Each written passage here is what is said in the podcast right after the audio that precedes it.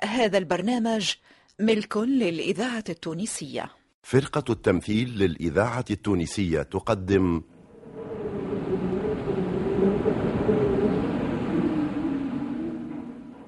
نسبة هذه المدينة إلى الإله سالم وهو إله السلام.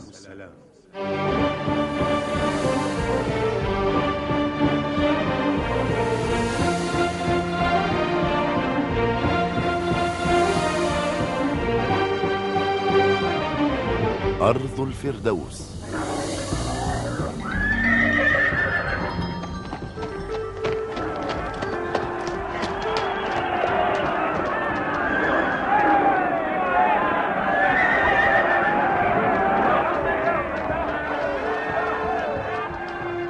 ليس لأولئك القوم أرض ولا مدينة. وعندما طردهم فرعون مصر توهموا أن أرض كنعان سهلة المنال فاتفقت أحبارهم على أن تكون هي الأرض الموعودة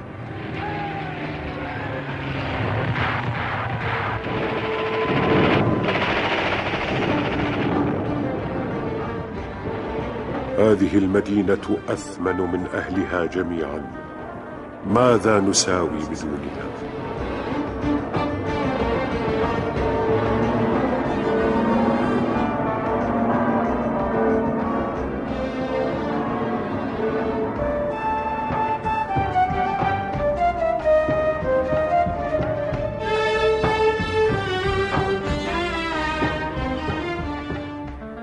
أرض الفردوس تأليف علي دب.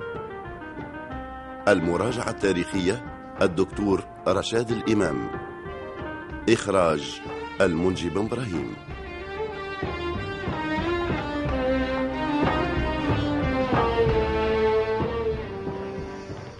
بعد قرون من تأسيس القدس ووقوفها في وجوه الطامعين جرت أحداث أخرى في عهد سالم اليابوسي وكان واحدا من الذين تداولوا على حكمها.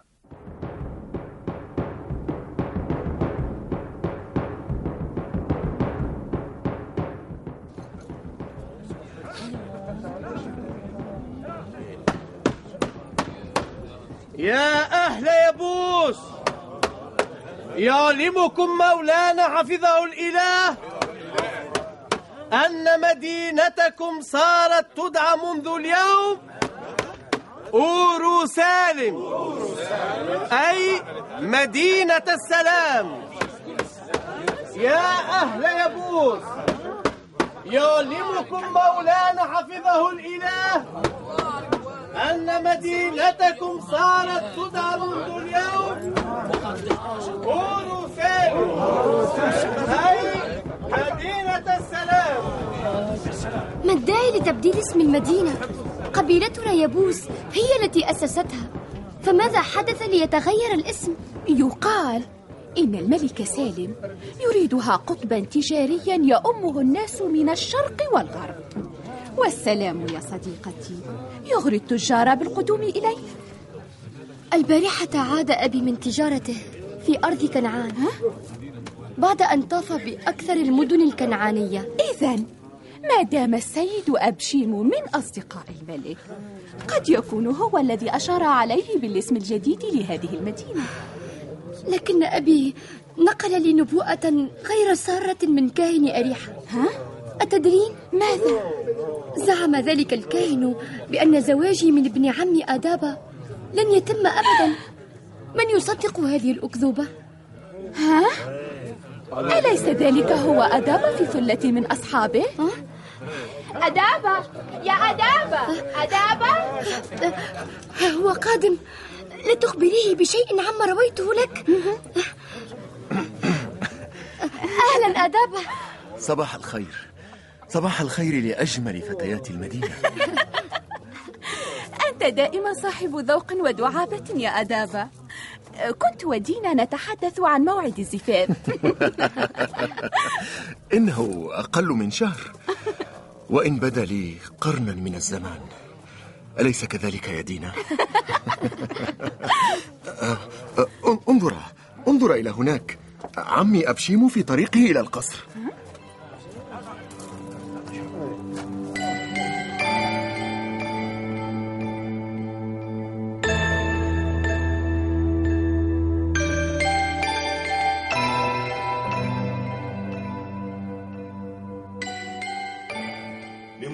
العزة وطول العمر. السيد أبشيمو ادخل ادخل أيها الصديق ادخل. معي القائد سكين.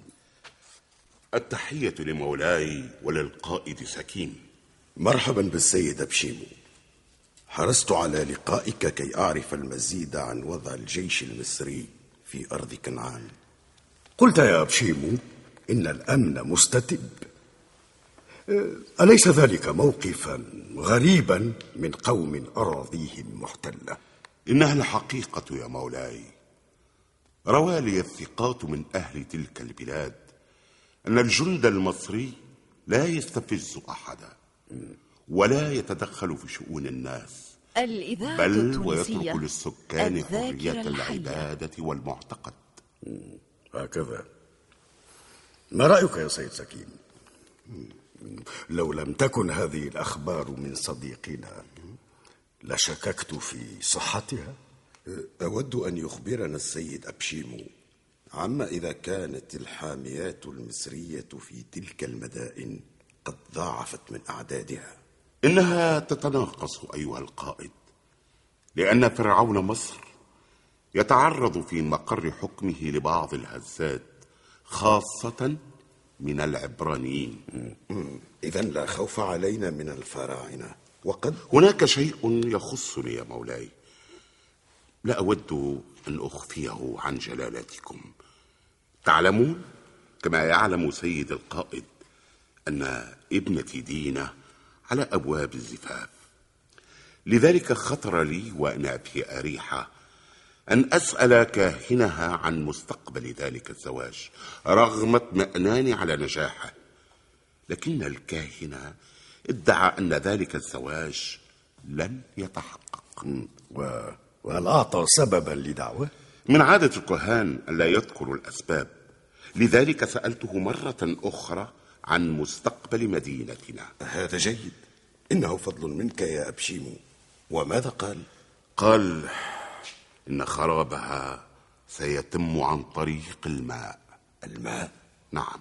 تقول الماء يا أبشيمو؟ أوه هذا لا يعقل يا أبشيمو لا يعقل لا يعقل.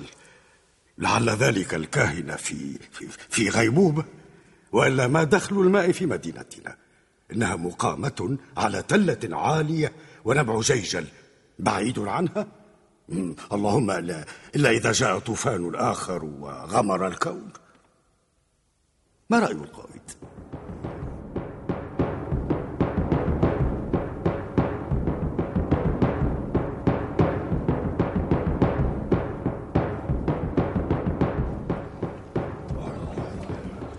الدعوة للمنجمين كلهم على الجميع أن يبادروا الساعة إلى القصر الملكي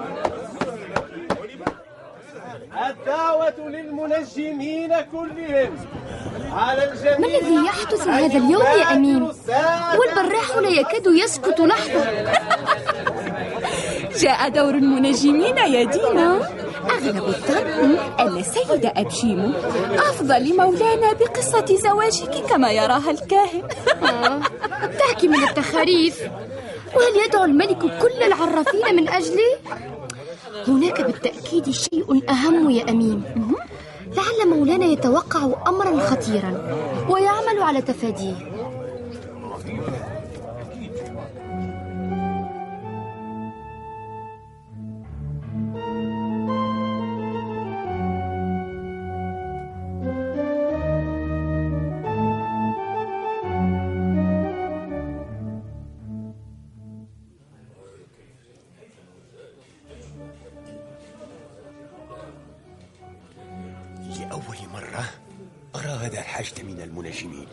لعله الخوف من الطاعون.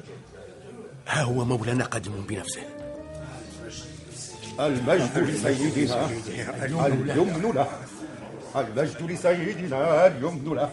أيها السادة المنجمون انظروا في صحفكم وتطلعوا إلى النجوم ثم أخبروني الساعة عن دور الماء في مدينتنا.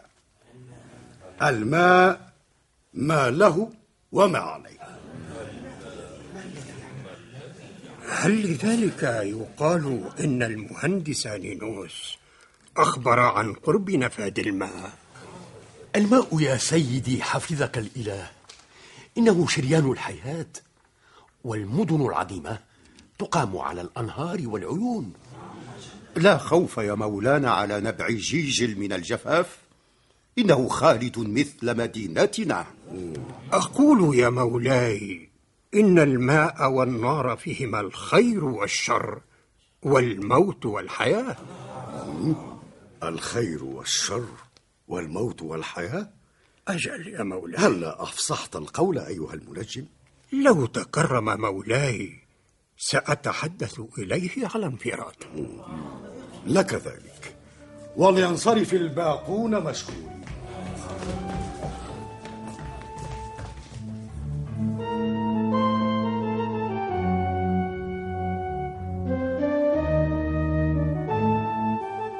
لم أفهم ما قاله المنجم. هل عرفت ما يعنيه أيها القائد؟ يشير إلى عدو يترصدنا وقد يستعين على حربنا بالماء. حربنا؟ هلا وضحت لي قصدك يا سكين كنت وما أزال خائفا من بعد نبع جيجل عن مدينتنا. إنه خارج الأسوار. ولطالما فكر الأقدمون من أجدادنا في هذا المشكل ولم يصلوا إلى حل. ومنذ مدة قال المهندس نينوس إنه قادر على حفر نفق يصل المدينة بالنبع. و... وهل نحن نستطيع فعل ما أعجز الأقدمين؟ لو فوضتم لي هذا الشأن يا مولاي فلربما حققت المعجزة. لك ذلك يا سكين لك ذلك. ومن الآن كل ما في المدينة على ذمتك. أحسب أن المسافة لا تقل عن, عن ألفي قدم. وهو كذلك يا صاحب الجلالة. إنما أخاف من تسرب الأخبار. وفي ذلك خطر مضاعف علينا وعلى المدينة. افعل ما تراه ملائما أيها القائد سكين.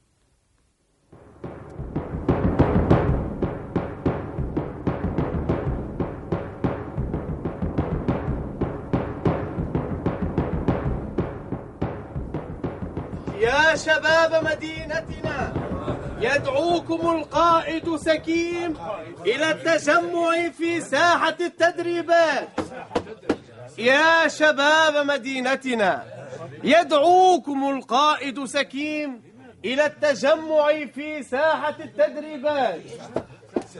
يا شباب مدينتنا يدعوكم القائد يقال إن الغزاة يقتربون منا. يا أرباب العزة احفظوا بلادنا من كل شر. يا بعل البغول يا سيريس يا ربة الينبوع يا رب العواصف يا عناتة وكميشة وحدد.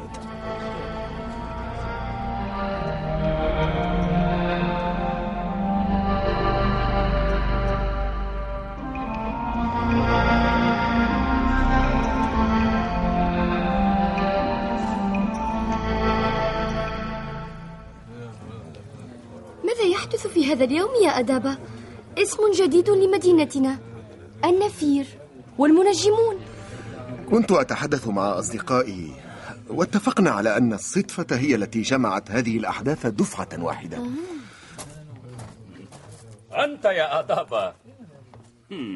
ألا تذهب معنا إلى التدريبات؟ إنه مع خطيبته أسمعت أسمعت هذا الوقح يا دينا. دعك منه. لدينا ما نعمل. سأرافقهم إلى الساحة ولسوف أعتذر عن الحضور. أه، دينا. سنلتقي مساء. طاب يومك.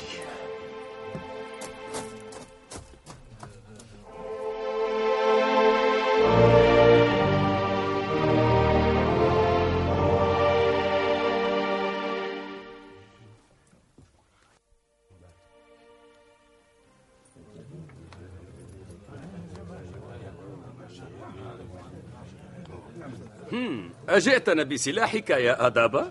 وما قيمة الرجل الأعزل؟ القائد الثكيم حضر بنفسه الحياة للقائد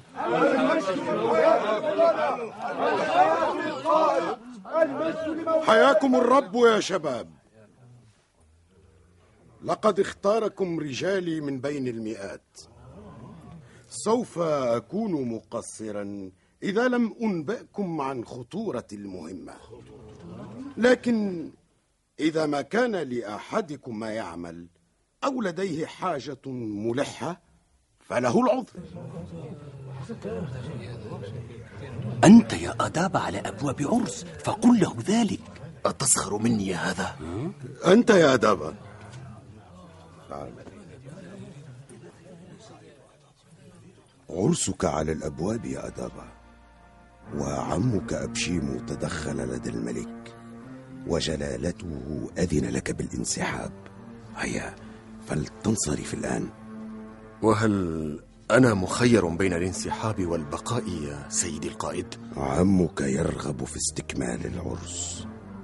لكنني أرغب في البقاء وهذا شرف لي. المهمة خطرة أتراني أقل جدارة من أصحابي أيها القائد؟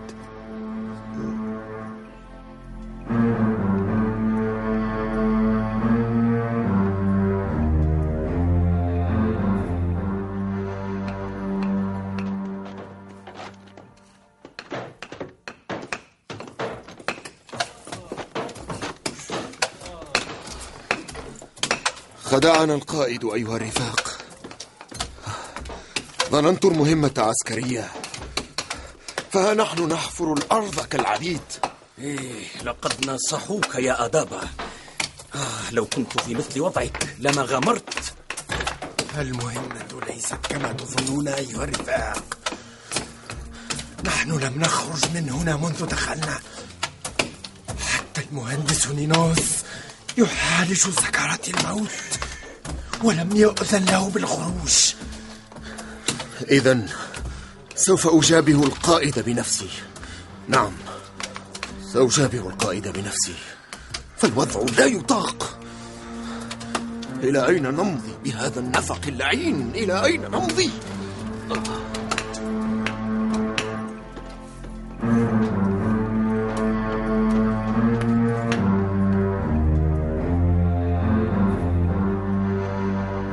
البشرى يا مولاي. لقد وصل الماء. عظيم عظيم هذا عظيم. عظيم يا سكيم عظيم. لقد حققنا ما أعجز الأقدمين. سنحتفل بالمناسبة. سنحتفل يا سكيم. وسيتلقى الأبطال التهاني. هيا هيا بنا إلى النفق. هيا. عفوا. عفوا يا مولاي. ماذا؟ لقد فوضت لي هذه المهمة طوال شهور وأنا أفكر كيف نضمن سرية النفق. ووجدت أن السر لا يخفى وهو في صدور مئة شاب. كل ما أرجوه أن نقدم الهدايا لعائلات أولئك الأبطال. سأفعل يا سكيم سأفعل. ولكن علي أولا أن أصافح الشبان الذين أنجزوا هذا العمل الكبير. آسف.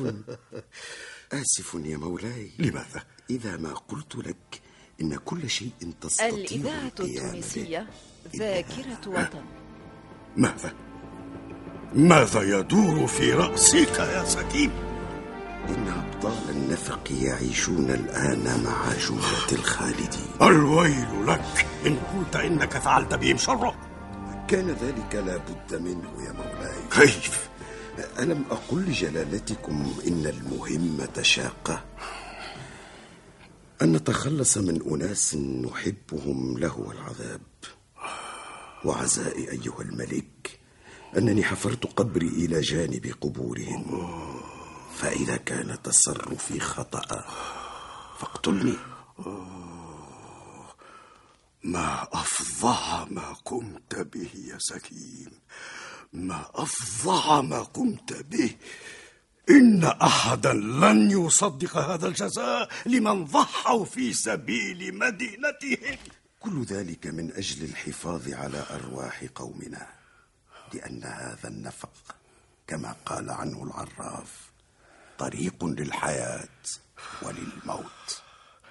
وأسفا وأسفا صدق العراف رغما عني وما أظنه إلا صادقا في الأخرى. مولاي أنا لم أفكر في ذلك. أدابة لن يتزوج من ابنة عمي. لن يتزوج. والماء قد يكون طريق الموت إلى هذه المدينة. أتأذن بردم النفق يا مولاي؟ إلا هذا يا سكين. إلا هذا. ولكن أقم بناء على مدخله بحيث لا يعلم بوجوده إلا القلة من رجالنا المخلصين. طلائع العبرانيين قرب الحدود يا مولاي. العبرانيون. هؤلاء قوم متوحشون يا سكين أطردهم الفرعون فزحفوا على أراضينا.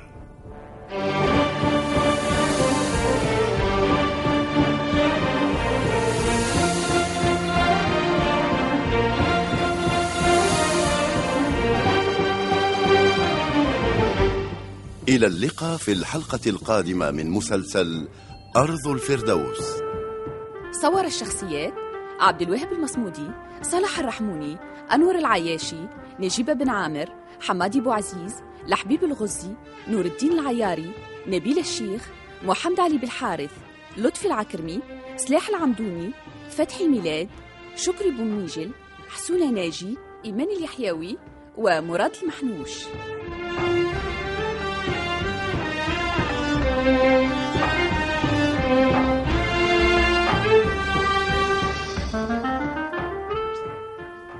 موسيقى منذر بركوس.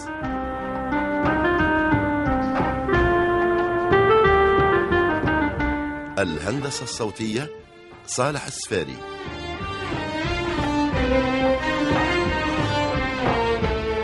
تسجيل الموسيقى الطاهر الوسلاتي. مخرج مساعد عماد الوسلاتي. أرض الفردوس تأليف علي دب إخراج المنجي بن إبراهيم.